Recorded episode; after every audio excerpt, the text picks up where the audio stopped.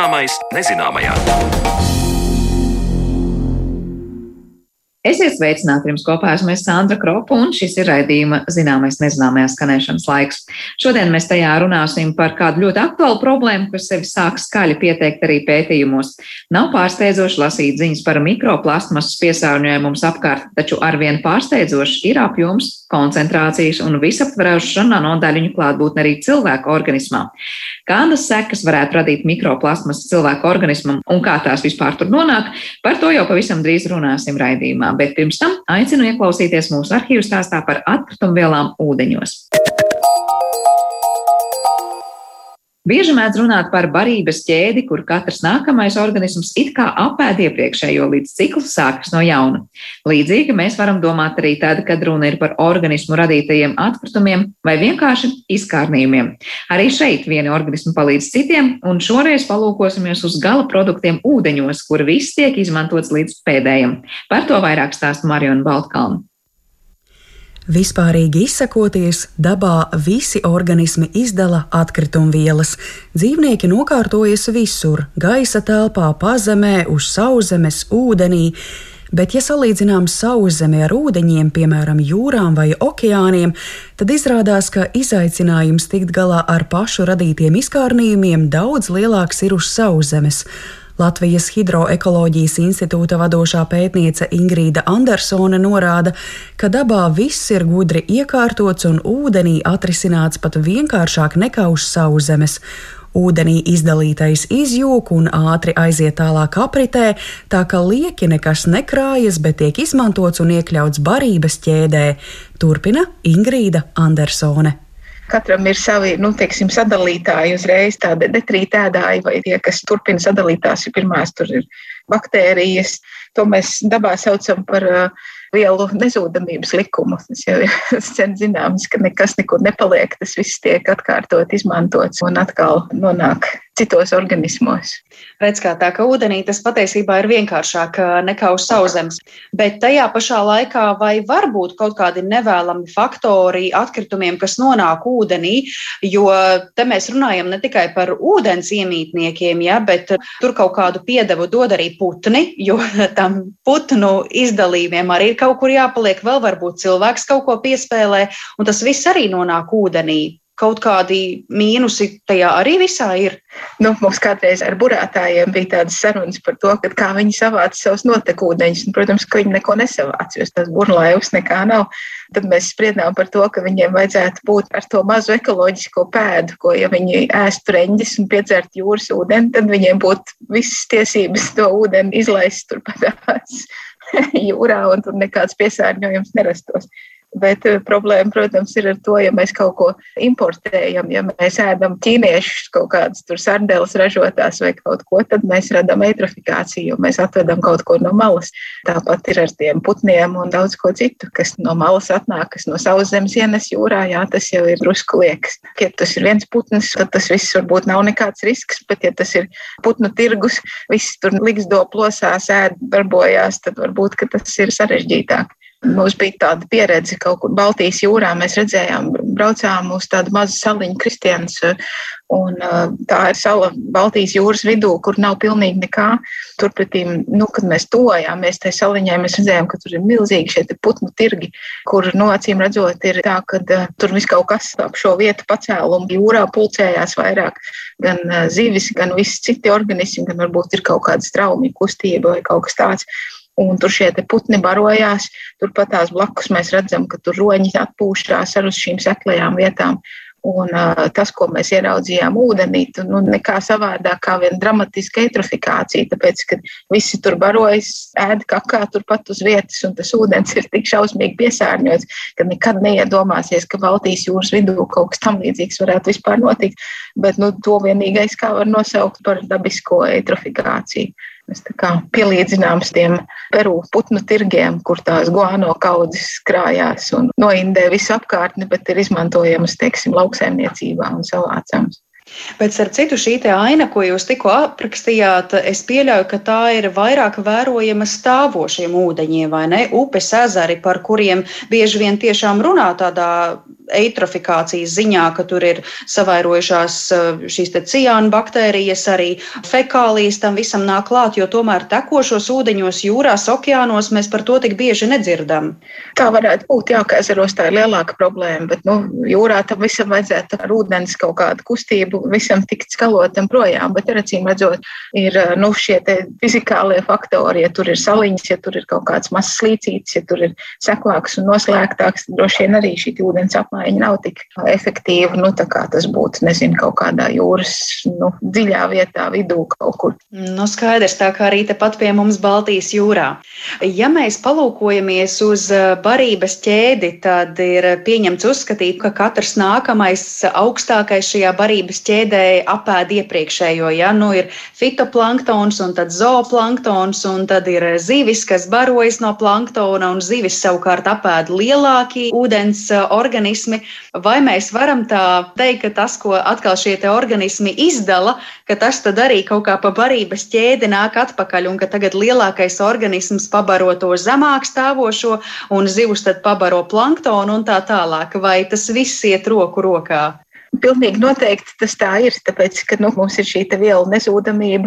Ja mēs skatāmies nu, uz to pašu zooplanktonu, tad zooplanktons apēdīs šo fitoplanktonu, un attiecīgi arī tas, ko viņš atgriezīs atpakaļ dabā, tas būs drusciņi sakoncentrēts. Tā pati masa, ko viņš ir apēdis, tikai nu, koncentrētākā veidā, tāpēc, ka tā kā zooplanktonam ir jāapēd, piemēram, vienam vēzītim ir jāapēd simts aļģes, lai iznāktu tātad biomasas pieaugums šim vēzītim, lai tas varētu paaugt iemācīties, un tas, ko viņš ir uzņēmis un uh, izkakājis, un drusku tā kā neapēdis, jo vēzīšiem ir tas angliskais termins sloppy feeding, ko raksturo vislabākais tas, ko mēs kādreiz pasakās dzirdējām, kad uh, mielasts tur bija. Es arī tur biju, gar ūsām tecēju, bet mutē gan netika. Tā arī zooplanktonam bieži vien ir, ka viņš atnāk, viņš drusciņi iekož tajā aļģē, nu tad gar ūsām notecēja, mutē netika, nu kaut kas tika, un tad to apēda. Bet tas, kas tiek atkal atgriezts atpakaļ vidē, tas tas ir drusku pārstrādāts, tas pats, kas jau tur bijis. Nu, tas pats attiektos arī uz zivīm noteikti un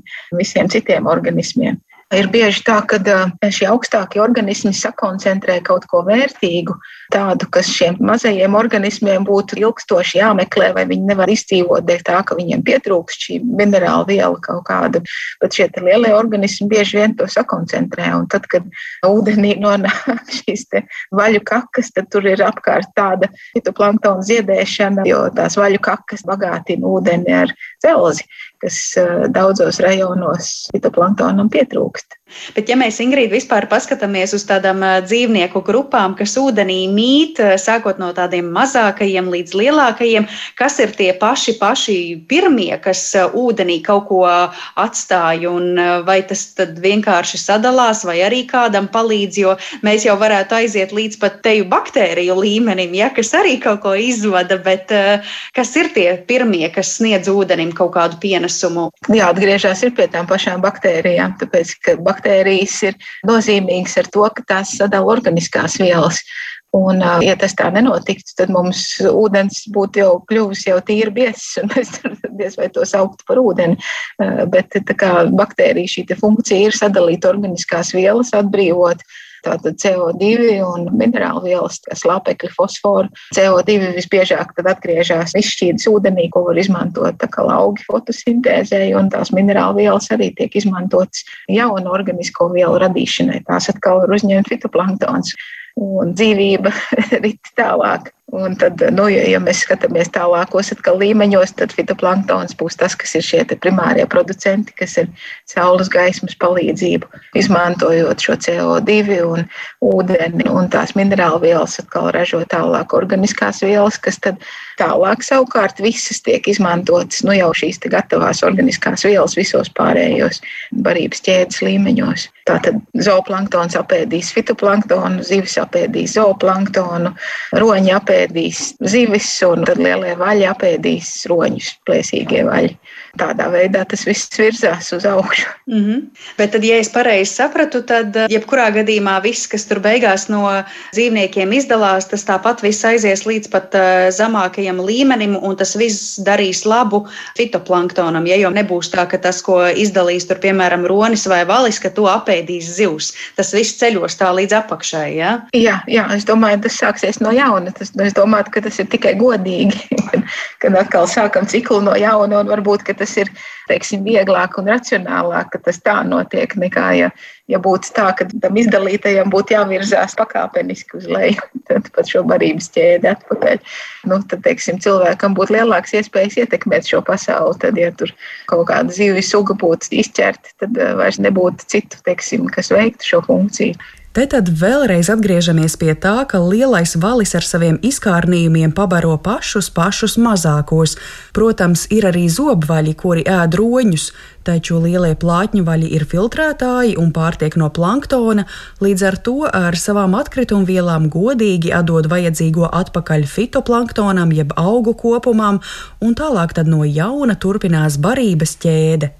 Jāsaka, ka labumu ūdenim ar atkritumvielām sniedz visi organismi, taču atšķiras arī tas, cik lielu teritoriju tie spēj pārvaldīt, un te no atkal nozīme organisma izmēriem. Valis spēj izdarīt vairāk nekā mazie vēzīši zooplanktonā ja mēs skatītos uz tādu zooplanktonu, tad viņu tas pienesums būtu lokāls. Nu, tāpēc, ka zooplanktons ir mazs organisms, kas dzīvo nu, tajā ūdens masā, kur viņš dzīvo. Savukārt zivis jau ir daudz kustīgāks, bet par vaļiem Tā kā vaļi ir šie milzīgie, harizmātiskie jūras iemītnieki, viņu dzīves cikls ir tāds, ka viņi dzīvo un barojas vienā vietā, nu, piemēram, šajos arktiskajos ūdeņos, tur, kur visvairāk ir šo planktonu vēžu, gan ziemeļu puslodē, gan dienvidu puslodē. Savukārt mazuļi piedzimst tropiskajos ūdeņos, un šiem vaļiem ir jāpārvar nezinu, 5000 km no vienas savas dzīves vietas uz citu. Un, protams, ka tas, ko tie transportē okeānā, okeānā tam ir milzīgāka nozīme nekā jebkam citam. Un uh, barojoties šajos arktiskajos ūdeņos, tad tur vaļi veids šo funkciju, ka tie gan apmājas to ūdeni un bagātina virsmas ūdeņus ar barības vielām, kas tā kā apakšā ir, bet virspusē jau ir iztērēts. Un savukārt no nu, šīm vaļu kakām vēl dod papildus to pienesumu, atbrīvojot dzelzi, lai atkal fitoplanktonam būtu ar ko uh, iesaistīt chlorofilā un veikt šo fotosintēzi bet šīs migrācijas tās dod vēl papildus šo ieguldījumu. Šobrīd mēs redzam, to, ka tropiskie ūdeņi ir ļoti varības vielām nabadzīgi, un tur praktiski varētu teikt, ka tā fitoplanktona ir maza un nekā nav. Bet vienlaikus tā mamma, protams, kas baro mazuli ar pienu, Un, nu, šī kakāšana notiek tāpat. Un tas dzelzs un tās barības vielas, kas tiek izdalītas šajos tropiskajos ūdeņos, tās bija tās, kas baroja šo tropu ūdeņu ekosistēmu. Un tā kā to vaļu, nu, teiksim, tajos senajos laikos bija nu, nesalīdzinām vairāk kā šobrīd, kā lai saka, ekosistēmas inženierijas fenomens, tam bija milzīga nozīme. Tad, ja es pareizi saprotu, tādā vielu līmenī, ko organismi atdot ūdenim, ir diezgan līdzīgi. Ja? Gan eh, zooplanktons, gan zivis, gan vaļi, bet tās atšķirības parādās tieši tādā teritoriālā plāksnē, cik tālu ar barības vielām var kaut ko labu dot un ietekmēt planktons, cik tālu zivis un cik tālu vaļi. Tur ir tās galvenās atšķirības. Ja? Jā, tieši tā. Jā. Tāpēc es domāju, jo mazāks organisms šī ietekme mazāka, bet lielākam tā ir nesalīdzināmā lielāka.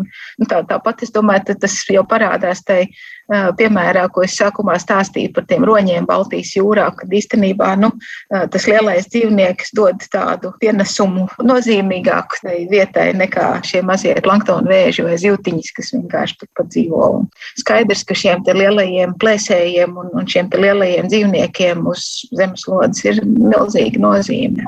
Tos mēs pamazām zaudējam, tāpēc, ka tā tad ir šī zvejniecība, ir cilvēku materiālās intereses, un pamazām mēs zaudējam to ekosistēmu. Mums jāsargā vaļa vienkārši. Es vienmēr to stāstu visiem. Jūrai nav problēma, ir tikai cilvēku radītās problēmas. Dzirdējām mūsu arhīvu stāstu par dzīvnieku radītu atkritumu vielu sadalīšanos jūrā, bet par to, kā mikroplastmas no jūras nonāk līdz mūsu šķīvjiem un ne tikai saruna pēc brīža.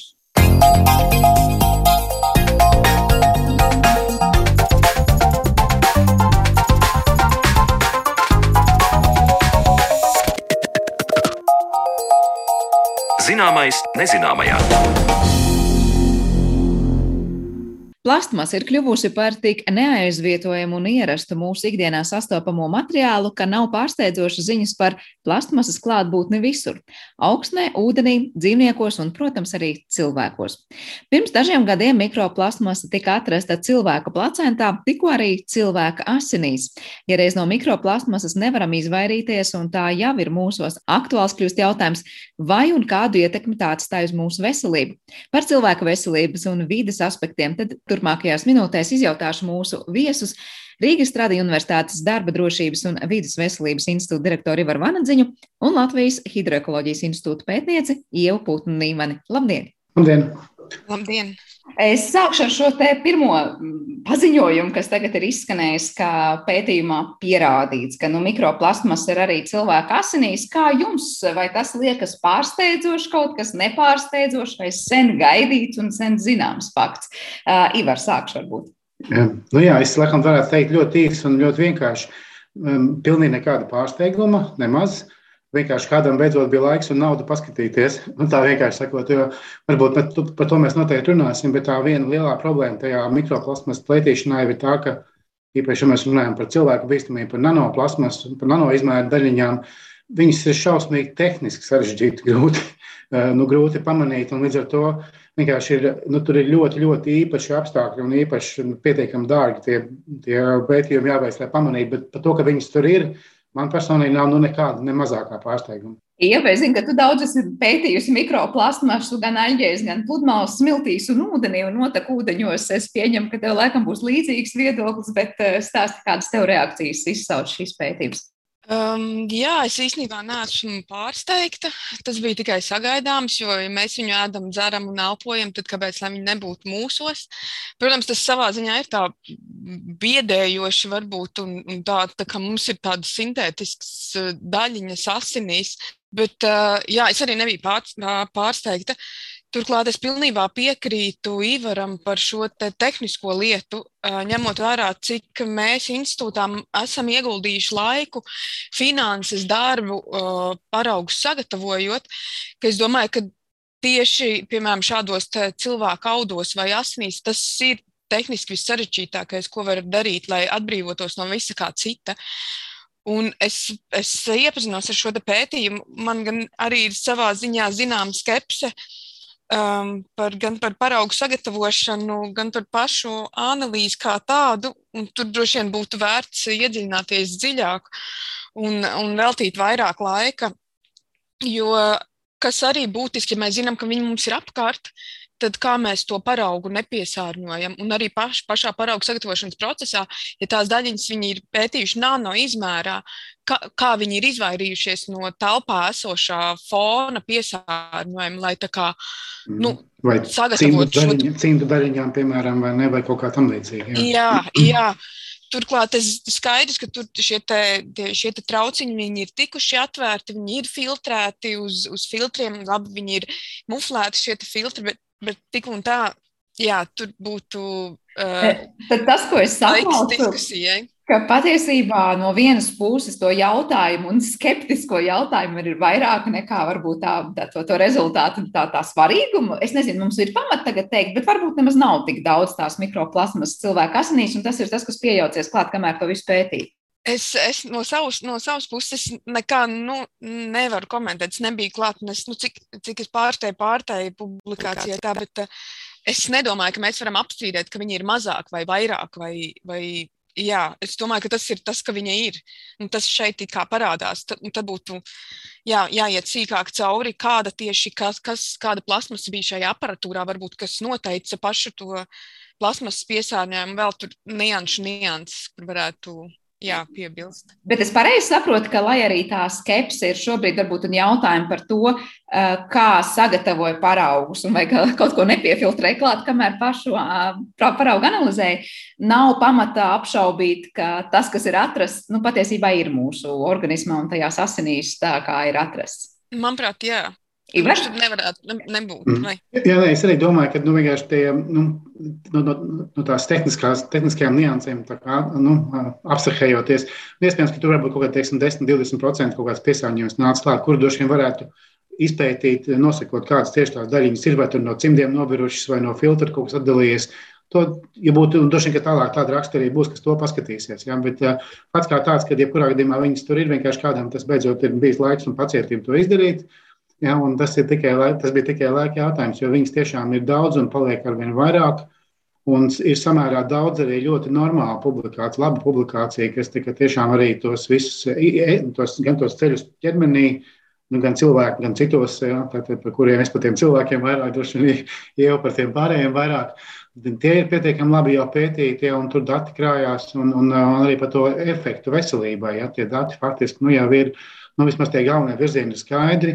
Um, tur tā lielā bēda, protams, ir tā, ka nav jau tikai tāda viena konkrēta veida, tā mikroplasmas. Ja, tas jau vislabāk to zinās pateikt, kas arī mūsu dabā ir, ka tur jau ir neiedomājamākais rasols. Ja, tur ir pilnīgi, pilnīgi totāls, nu, kā saka, tautā kišmišs Tā skaitā arī ar rozīnēm. Ja, tur viss ir no līdz. Ja, tur ir nu, jebkas, jebkurā kombinācijā. Es tas gribēju... savā starpā reaģējis, ko es sauli ietekmēju vēl pa vidi, un tā ir tā lielā nezināmā bīstamība.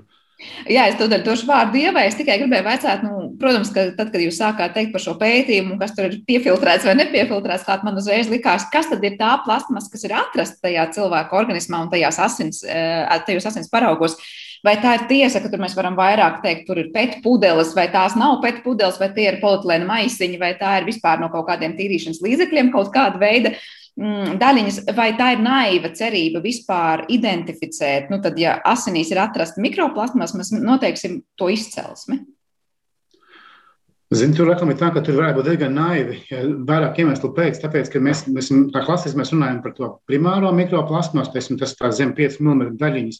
Un tad tālāk viņas jau viņas vēl sasmalcinās un viņas savā starpā reaģē. Un tas, ko mēs jau redzam gala rezultātā, tiesim, tie 20, 50 nanometru lielie gabaliņi, viņi faktiski kaut kādi, ir kaut kāds nu, teiksim, polimēra ķēdes gabaliņš, jā, būtībā, kuram ir aplips apkārt. Nu, pilnīgi viss iedomājamies un neiedomājamies. Līdz ar to izsacināt, nu, ir, ir daži gadījumi, kad var ļoti konkrēti pateikt, no kā, jā, bet vairumā gadījumu mēs jau nespējam īsti identificēt. Viņš ir pirmkārt jau reaģējis ar kaut ko citu vairākas reizes. Jā. Līdz ar to tur ir, es nedomāju, ka ir eh, izņemot kaut kādus konkrētus gadījumus, kad vienmēr ir iespējams pateikt, kas tas ir bijis. Tā bija teiksim, tiešām pudele vai, vai, nezinu, vai tur vārds kociņš, jo to mēs bieži vien nespējam pateikt. Jautājums, vai tam ir nozīme lielās, lielās detaļās, ka tas jau ir nonācis cilvēka organismā. Protams, tas ir stāsts par to ceļu, kādā tas nonāk cilvēka organismā, bet par to es saprotu, ka mēs arī varam parunāt. Diezgan Domāju, ka zināms. tas, kas tas ir, to, piemēram, te paši Latvijas jūras apsekojumi katru gadu lieliski parāda, kas ir tie priekšmeti, kas tur tiek atrasti. Ja? Tas ir tas, tie, tie avoti. Savukārt ķermenī mēs jau vairāk uztrauktos par, uh, uztrauktos par uh, to, nu, kāda, nu, kas viņam ir aplā, apkārt aplips un kā viņš tālāk mūs ietekmē. Tā droši vien mēs runāsim par veselību, kad kādā brīdī tiksim līdz tam, ka tam droši vien lielāka nozīme, nezinu, kā viņš tieši ir nācis. -hmm. Ieva, jā, par to sastāvu runājot, vai to var noteikt un kādi tie kokteļi ir apkārt mikrodaļiņi? Um, pat, nu, var, var noteikt tieši specifisku, kā, kāds polimērs uh, ir nu, vidē, bet no kurienes es domāju, ka tas ir tā, kā, tā kā Ivars teica, tas, kas ir lielie gabali atrasts, tie būs arī šie paši mazie, kas degradējas aizvien no mazākos un mazākos gabaliņos. Uh, es arī negribēju teikt, ka šis pētījums ir kaut kādā veidā slikts. Viņš ļoti, ļoti labs. Un uh, patiesībā šeit viņi tieši uh, fokusējās uz to, uz tiem polimēriem, kas ir tieši izmantoti šajos ēdiena, kur, kur, kur liek ēdienu. Un tad tā, tie viņiem bija arī tie mērķi, uz ko viņi kā. Um, nu, gāja, kas patiesībā ir diezgan loģiski. Un, un tā kā ja tas kokteils ir milzīgs, tad šis pētījums kaut kādā veidā limitējās uz, un koncentrējas uz tieši tādu tā kā, nu, ēdienu trauki. Varbūt tas nav tikai no ēdienu traukiem, tas ir, es domāju, viss gaiss un, un pilnīgi viss, kas tur no kā tas ir nācis, kas patiesībā arī nu, mums apkārt ir. Un es nevaru teikt, ka piemēram, šie polimēri, ko viņi ir atraduši šais cilvēkos, ka viņi ir tieši no ēdienu traukiem, jo tie polimēri nu, tiek izmantot arī citos, eh, cit, citiem mērķiem. Un, un, nu, tad, tad, kad tās daļiņas degradējās, tad jau mm. mēs vairs nevaram pateikt, no Mm. Es domāju, ka tā, jā, ja, ja var papildināt, tā ir tā viena lielā bēda, ka īstenībā, ja mēs tā nu, apsahējamies, tad to plasmas veidu, ko mēs tā reāli izmantojam, no nu, tādām polimēra ķēžu viedokļu raugoties, viņi jau nav tik šaušalīgi daudz. Tas, ka viens ir zils, viens ir zaļš, un viens ir pudeles formā, viens ir plasmas trauciņa formā, tas jau tas, kā mēs viņu uztverām. Ja? Bet, ja mēs viņu sadalām ķēdē, tad uh, tur jau nemaz tās variācijas vairs nav tik ļoti daudz. Ja, tur ir nu, 5, 10 populārākās. Ja? Tas ir polietilēns, polipropilēns, vēl kaut kas. Ja? Tur, Un, un es jau visu nenosaukšu, protams, ja, bet nu, apmēram tā. tā kā, tas mums būtu jāatcerās. Tā kā vairāk mums ir formu dažādība un krāsa dažādība, bet sastāvā ziņā jau laikam tā plasmas lielās līnijās ir tā pati. Bet jūs tā piesaucāt, nu, tas, kas ir liels, eh, sadalās mazākās daļiņās. Tā ir tikai viena no varbūt, nu, veidiem, kā mikroplasmas līdz mums nonāk. Ja es atkal skatos tavā virzienā, es zinu, ka pavisam nu, salīdzinoši nesen tu daudz domāji un runāji par to, kā kaut vai riepu daļiņas vai daudz kas cits ir tas, kas kā mikroplasmas nonāk mūsu apkārt apkārtējā vidē. Un liekas, par, par riepu daļiņām mēs arī šajā pavasarī daudz Rīgas kontekstā un gaisa kvalitātes kontekstā esam runājuši. Cik daudz, varbūt, kurus tu nosaukt tos ceļus, nu, kā tā mikroplasmasa nonāk daļiņu veidā, mums pat sākumā nav ne mazāko ideju, no kurienes tās rodas? Nu, tas ir tad, kad mēs nolietojam lietas, viņš tā kā dilst, un tad tās daļas arī nu, dabiski uh, rodas vidē. Otrs, jā, kā Ivars arī teica, ir tā, um, tāda mikroplasmas, mikrodaļas, kas tiek ražotas šādā te, mm, nu, izmērā. Un, uh, tur ir tie pielietojumi visdažādākie, kā gan kosmētika, gan uh, kas ir jau pie tā Eiropa strādā, jo aizliedz šādas kosmētikas ražošanu. Bet, piemēram, ir nanotehnoloģija līmenī ir pat uh, smaržvielas iekapsulē pulveros, kas tad noteiktā uh, temperatūrā sadalās šajos polimēros un nonāk, piemēram, mazgājot veļu. Ir, uh, ir tās, jo sevišķi, ja sāk iet uz šiem te nano, kas it kā savā ziņā mūsdienās ir ļoti, ļoti nu, populāri, nanotehnoloģijas, un tad šo polimērus arī tādā veidā jau ražo ar noteikti kaut kādu nano. Mm, jā, nano izmēra ar pielietojumu kaut kā. Piemēram, skrubji ķermeņa, vai ne? Kā, kā viens brīnišķīgs piemērs, visi tie mm, abrazīvie krējumi, mazgāšanai, ādas tīrīšanai. Tur ir, tur ir ļoti daudz tieši mērķiecīgi ražotas mikrodaļiņas. Zobu pastas. Arī. Zobu pastas, jā, un daudz kas cits. Mm. Jā, tiešām nu, par zobu pastām un, un šiem skrubjiem mēs esam daudz un, man liekas, gadiem runājuši. Bet, piemēram, tas, ka bērnu rotaļlaukuma virsmas vai mākslīgo futbola laukuma virsmas pat ir patiesībā mikroplastmas avots, tas laikam daudziem tomēr ir nu, kaut kas jauns un pārsteidzošs. To avotu, protams, mums apkārt ir daudz, bet es gribēju parunāt par tām ietekmēm. Nu, labi, tagad mēs esam sapratuši, ka mūsos tā mikroplastmas ir gan asins paraugos, gan esam to gan ieelpojuši, gan, gan apēduši, gan iedzēruši. Kas notiek tālāk? Ir no tāda cilvēka veselības viedokļa. Tas, ka tā daļiņa tur ir asinīs un asins vados, un es nezinu, tiek aiznest uz visiem orgāniem. Ko tas tālāk nozīmē? Zini, es varbūt gribētu soli atpakaļ paspēt, jo asin, asins ir tikai viena no vidēm, bet eh, jau, jau pareizi pieminēja to, ka mēs tādā pamatā apēdam nu, vai iedzeram, un otrs ceļš ir ieelpojam. Mazākā mērā arī drusku caur rādu mēs īstenībā uzņemam. Tas būtu trešais ceļš, kas būtu jāpiemina. Un tad ir, tad ir jautājums, nu, piemēram, uzzīmēsim to klasisko scenāriju, mēs apēdam, nonāk kuģī zarnu traktā. Un tur faktiski tas, kas notiek, ir, ja tā daļa ļoti maza. Nu, ķermenis viņu, tad, viņu, viņu var uzsūkt kā barības vielu. Ķermenis maldīgi domā, ka tā ir barības viela, kas ir normālais process, ko mūsu zarnu trakts dara. Uh, Un tad, protams, ka tas, tas kas ir, nu, es tām asinīm vienkārši tā aicinātu uz viņām nekoncentrēties. Jā, jo asins ir vēl tā lielākā bēda. Tā lielākā bēda, ka viņi nokļūst faktiski tad, tad šūnā vai starpšūnu telpā, tad, tad celulāri.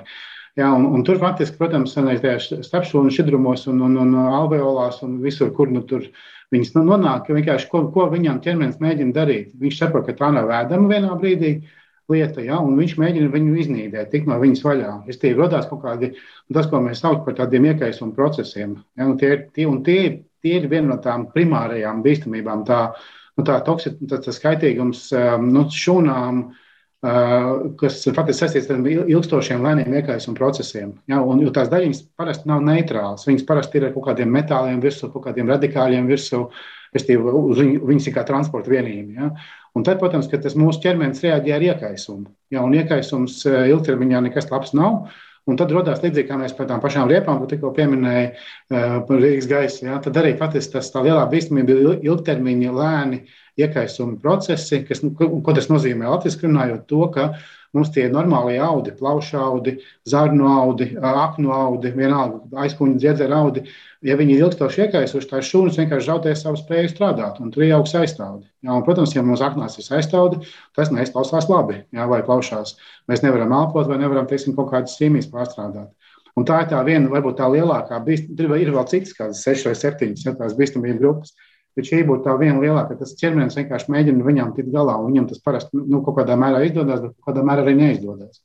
Ja, ja, tā, ja tā ekspozīcija ir liela, pastāvīga visu laiku, ilgu mūžu garumā, tad iekaisuma process pamazām sakrājās. Bet tā ir tikai tā pirmā lielā bīstamība, ja, ko pirmo parasti arī minēju. Jā, bet vēl tas aspekts par to, ka tas ir visu laiku, tas ir, nu, prātam neaptveram, jo laikam nu, mēs nevaram izslēgt diennakti laiku, kad mēs nesaskaramies ar mikroplasmas, ja tas ir, piemēram, gaisā. Ja? Protams, mēs varam būt vairāk vai mazāk piesārņotās vidēs, vai ēst mazāk vai vairāk, varbūt piesārņot pārtiku, bet jautājums, vai ir vispār kaut kāda vide, kurā tās plasmas nav, un ja tā mikroplasmas pat ar lietu nāk uz zemeslodes, ja, nu, tad Es nezinu, kurā brīdī mums vispār ir iespēja no tās sevi pasargāt. Ja tu saki, ka nav. Es domāju, ka tas nu, nav vairs iespējams. Jā, kad mm. tas, tas tur mēs neiekāpsim atpakaļ 50 eh, gadus un eh, būsim tādi apzinīgi lietojot un ražojot plastmasu, jau nu, zinot, ka varbūt kaut kas tāds. Es, es domāju, pat ar visiem tādiem stabiliem materiāliem, kas savā ziņā ir lēti un, un, un ir labi pielietojami. Tas tā kā.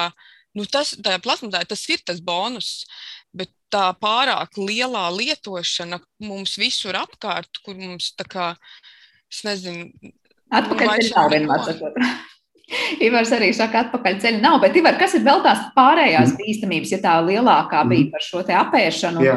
kronisko iekaitu? Es varbūt tad, lai es paspēju viņus visus noskaidrot, arī, arī, lai mēs paspējam viņus visus pieminēt, arī noskaitīšu. Un tad tā otra lielā bīstamība, tā grupa, par ko domā un uztraucās, un kur tie pierādījumi krājās, ir tas, ka tās plasmas staļiņas ietekmē metabolismu. Ja, tad, tad, cik viņām pašām ir kaut kāda aktivitāte, uh, Un ir daži, daži fermenti, ko viņas pastiprina, daži, ko viņas samazina. Tad, piemēram, tā paša anaerobu aktivitāte, tur anaerobo vielmaiņu pastiprina vai lipīdu vielmaiņu samazina. Ko tas nozīmē dzīvē, dabai, ka, piemēram, kaut kādas nu, zivs vai augs vai, vai kaut kas, teiksim, sāk mazāk vai vairāk ēst kaut ko. Viņš maina savus nu, dzīves paradumus būtībā. Tā ir tā, tā otra lielā grupa. Un, un atceramies, ka mēs jau pēc tam to visu apēdam. To zivi, kas, teiksim, ir nepareizi augusi. Ja? Nu, tā vienkārši runājot. Trešā, tad nākamā grupa, ko būtu jāpiemina, ir tas, ka faktiski liela daļa no šīm vielām, no šīm mikroplasmasām var ietekmēt un izraisīt imunitātes izmaiņas. Tas ir tāds arī pašs pētīts, un tajā virzienā pēta un skatās tālāk. Tad vēl viena lieta ir tīri tāda fiziska problēma. Tā, nu, tas, ka tās daļiņas ir asinīs, nu, ko tas nozīmē? Ka viņas kaut kur filtrējās un kaut kur nonāk. Es tie viņas krājās kādos mērķu orgānos, vai nu apnās, vai nu, teiksim, tur liesā vai nierēs. Viņas tur vienkārši uzkrājās un aizķerās. Un atkal tas ir viena diena 5, viena diena 500, viena diena 1500. Viņas jau, nu, katrs, tas ir katrs atsevišķi ir nekas, ja, bet, teiksim, divu vai desmit gadu laikā vienkārši fiziski sakrājās kaut kādi grami, ja, kuriem tur nav jābūt. Ja, tas ir tāda vēl, nu, tāda lielā tāda, nu, problēma grupa, ko pēta. Un tad ir faktiski tādas trīs lietas, ko varbūt kopā var minēt, ja, kas ir tātad, nu, kā jau es teicu, šīs daļiņas, viņas ļoti bieži kalpo kā tāds transporta mehānisms, ja, un uz viņām kaut kas sēž virsū. Uz viņiem var sēdēt virsū bisfenols, uz viņiem var sēdēt virsū tie noturīgi organiskie piesārņotāji. Jā, uz viņiem var sēdēt arī kāds vīrus virsū un daudz kas cits. Tad, attiecīgi, viņi nu, vai nu teiksim, tādu neirotoksicitātes reakcijas rada vai teiksim, ietekmē mūsu reproduktīvo spēju, jo tur ir teiksim, tie noturīgi organiskie piesārņotāji daļa ir līdzīga mūsu hormoniem. Uh, vai teiksim, viņi var būt kancerogēni. Ja, tad, tā, tāda veida tās ir darbības. Tikai šīs ir tās galvenās grupas, ko pašlaik, nu, tā, kas ir apzinātas, kas faktiski jau tiek pētītas, ir diezgan daudz arī ļoti normālu, labu rakstu. Ja, un, protams, ka cilvēkiem ir mazāk to eksperimentu, jo cilvēks tomēr ar viņu ir grūtāk eksperimentēt. Bet, ja man papildinās, domāju, ka zivīm, molluskiem, putniem, tam, tam zemākajām dzīvības formām, tad, manuprāt, ir diezgan daudz rakstu.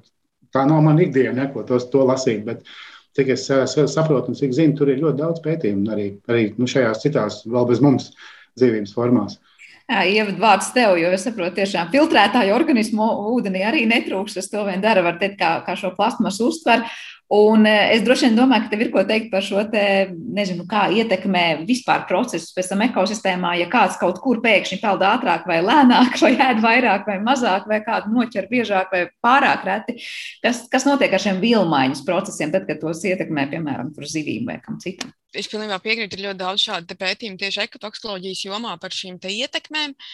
Un, uh, ir uh, ir, kā lai saka, es nekad nebiju tā kā saka, sakategorizējusi šādi ļoti, ļoti labi, ka Ivars papildināju šādā veidā. Es domāju, tas pats viss notiek arī šiem organismiem nu, dabā.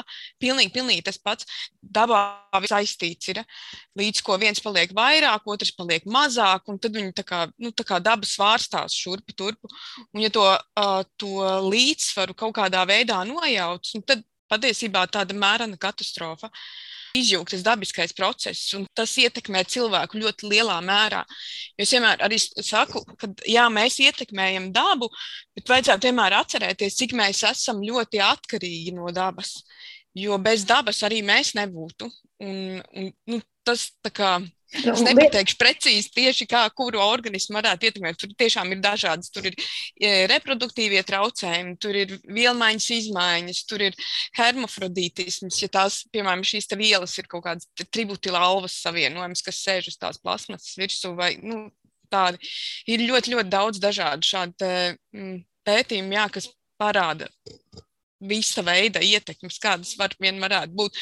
Jo parasti, kad tu no sākuma sāc skatīties, tu no sākuma domā, nu, kāda varētu būt šī ietekme, lai vispār noteiktu to ietekmi. Un pirms tu neesi izdomājis, kas tā ir, tad diezgan grūti kā, to efektu ieraudzīt, nu, saskaitīt, pierādīt, uh, statistiski būtiski nu, nu, pierādīt, ka šī ietekme ir. Tā kā Jā. Mm. To, ka Zinām, ka ezerā līdaks, līdaks paliek slinkāks, tad savērojās tur tie dūņu ēdāji. Ja tur retrofikācija aiziet, tās ķēdes jau viņas ir, nu, viņas ir tiešām, jebkuras scenārija ir iespējama, un viņi visi mūs ietekmē potenciāli. Protams, ka tiem zemākajiem organismiem tiem ir mazliet vieglāk pētīt, jo viņiem viņi tā kā nu, ātrāk pamanās kaut kas, ja cilvēks tāds ļoti komplekss mehānisms un ļoti izturīgs. Tāpēc uz cilvēku to redz pēdējā. Ja, bet, uh, Bet ir skaidrs, ka tas, ko jau, jau minēja, tā daba ir nu, ļoti ciešā līdzsvarā viss ar visu. Jā, un tikko mēs kaut ko mākslīgi sākam izjaukt, jā, pat nezinot tos ceļus tālāk, tad, protams, tā bīstamība ir. Nu, mēs, protams, nezinām tieši, kāda viņi būs pēc 5 vai 15 gadiem. To nu gan mēs tagad nevaram šeit pateikt. Tas ir skaidrs. Jā.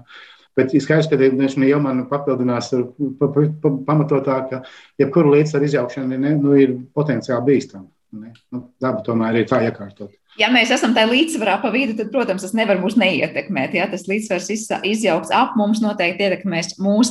Es gribēju vēl pavaicāt par tām asinsvadu lietām, ja reiz mēs sākām ar to pētījumu, ka bija stāsts par tām asinīm. Ivars minēja par to, ka tās daļiņas tur konkrētā izmērā un tās mums plūst visu mūsu organismu. Iedomājieties, kā ar mūsu nu, vissīkākajiem kapilāriem kaut kur, nu, vis kaut kur. Ja? Kas notiek, kad tādas daļiņas nonāk tajos? Mēs varam runāt, ka tie vispār nu, aizsprostojās vai kaut kāda vispār asins. Um apgāde pat nenotiek tikai tāpēc, ka tur ir daudz mazu, mm. mazu daļu. Zini, mums ir vienmēr jāatcerās tās pasaules mērogs. Ja, mēs šeit runājam par nano izmēru. Ja, tā, tad varbūt tādam vidējam pilsonim jāatgādina, ka mats ir 80 tūkstoši nanometru, tāds vidējs tievs matiņš. Ja līdz ar to, protams, par tiem kapilāriem, ka viņi varētu, teiksim, mehāniski aizprostoties, īpaši nebūtu jāuztraucās, jo viņas jau faktiski tajos asinsvados un kapilāros nokļūst no starpšūnu šķidrumiem, kas viņas ir sīkākas par viņiem. Ja? Tieši par šo es neuztraucos, bet uztraucos par to, ka viņas no tiem kapilāriem savācās un aizceļo, piemēram, uz aknām vai uz galvas smadzenēm. Par to es uztraucos. Ja, tā kā pretējā virzienā, es domāju, tā problēma ir, ka tā akumulācija notiek tajos vislabāk apasiņotajos orgānos, ja, kur viņas vienkārši mehāniski eh, tiek mēģināts nu, kaut kā nofiltrēt un aizturēt. Ja, un tur viņas krājās ar visiem tiem efektiem, par kuriem mēs runājam.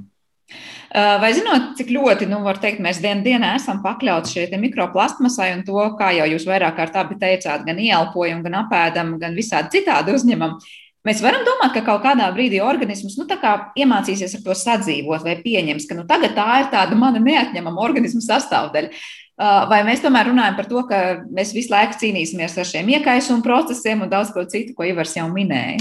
Oh, jā, Nē, nu, laikam ir tā, ka būtu tāda pārmēra pamata optimismam. Es nezinu par, par cilvēkiem, mēs runājam par visu pārējo, droši vien jau cerams man papildinās. Uh, Es teiktu, ka tāda pārmēra pamata optimismam tomēr, manuprāt, nav. Un tas veids tiešām ir tomēr apzināties un mēģināt iet to mazināšanas ceļu, jo nu, mēs nespēsim pierast, pierast pie bisfenola, piemēram, vai pie kaut kāda kancerogēna. Tas vienīgais pierašanās veids ir, diemžēl, nomirt jā, vai, vai ļoti būtiski mainīties. Tas nu, nu, neizklausās labi. Es nebūtu optimists. Tomēr ja? šis nav tas, pie kā mēs Mēs varam pierast pie tā, ka mums jāiet biets nevis burkāni, pie tā mēs varam pierast. Jā. Bet, bet, nu, šī baidos, ka mēs nebūsim, tas ir vairāk kā baidos. Es laikam, varbūt ne, ne visu, protams, ka zinu un saprotu, un neviens to nezinu, nesaprot, jā. Bet es baidos, ka tur nav pamata optimismam. Mm -hmm. Jā, kā ar pārējo apkārtējo vidi? Jā, es, es droši vien arī neesmu optimistiska. Labi, varbūt es neesmu uh, super eksperts, lai tagad apgalvotu, bet nu, varbūt tas mans viedoklis ir, jā, ka nu, ka ne, ne, neadaptēsies pie šāda piesārņojuma. Tāpat kā mēs, nu, lab, kaut kā, nu, mēs drīzāk mēģināsim, un arī dzīvnieki mēģinās sadzīvot, varbūt dzīvos īsāku dzīvi, uh, pamainīsies kaut kas, bet es, es nedomāju. Es arī uzskatu, ka mums vajadzētu tomēr iet uz to samazināšanas ceļu.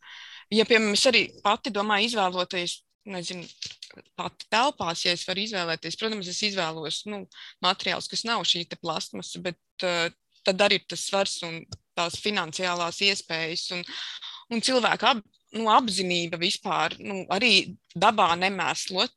Lai tur šī te, jebkurš tas, kas nomests atkritums, viņš sāk sadalīties. Un reiz tas ir labi, tev ir viens maisiņš, bet tev ir miljonus mikroplasmasas daļiņas uzreiz, kas ir, kuram ir potence nonākt visur. Nu, ja tāds pats viens maisiņš, mēs viņu ieelpotu visu, cik, nu, cik tas ir daudz vispār. Mm. Nu, jā. Un var tikai minēt, kā piemēram, nu viens tas pētījums, kas man at, atmiņā ir palicis kā tāda muļķīga cipara, paliek atmiņā reizēm.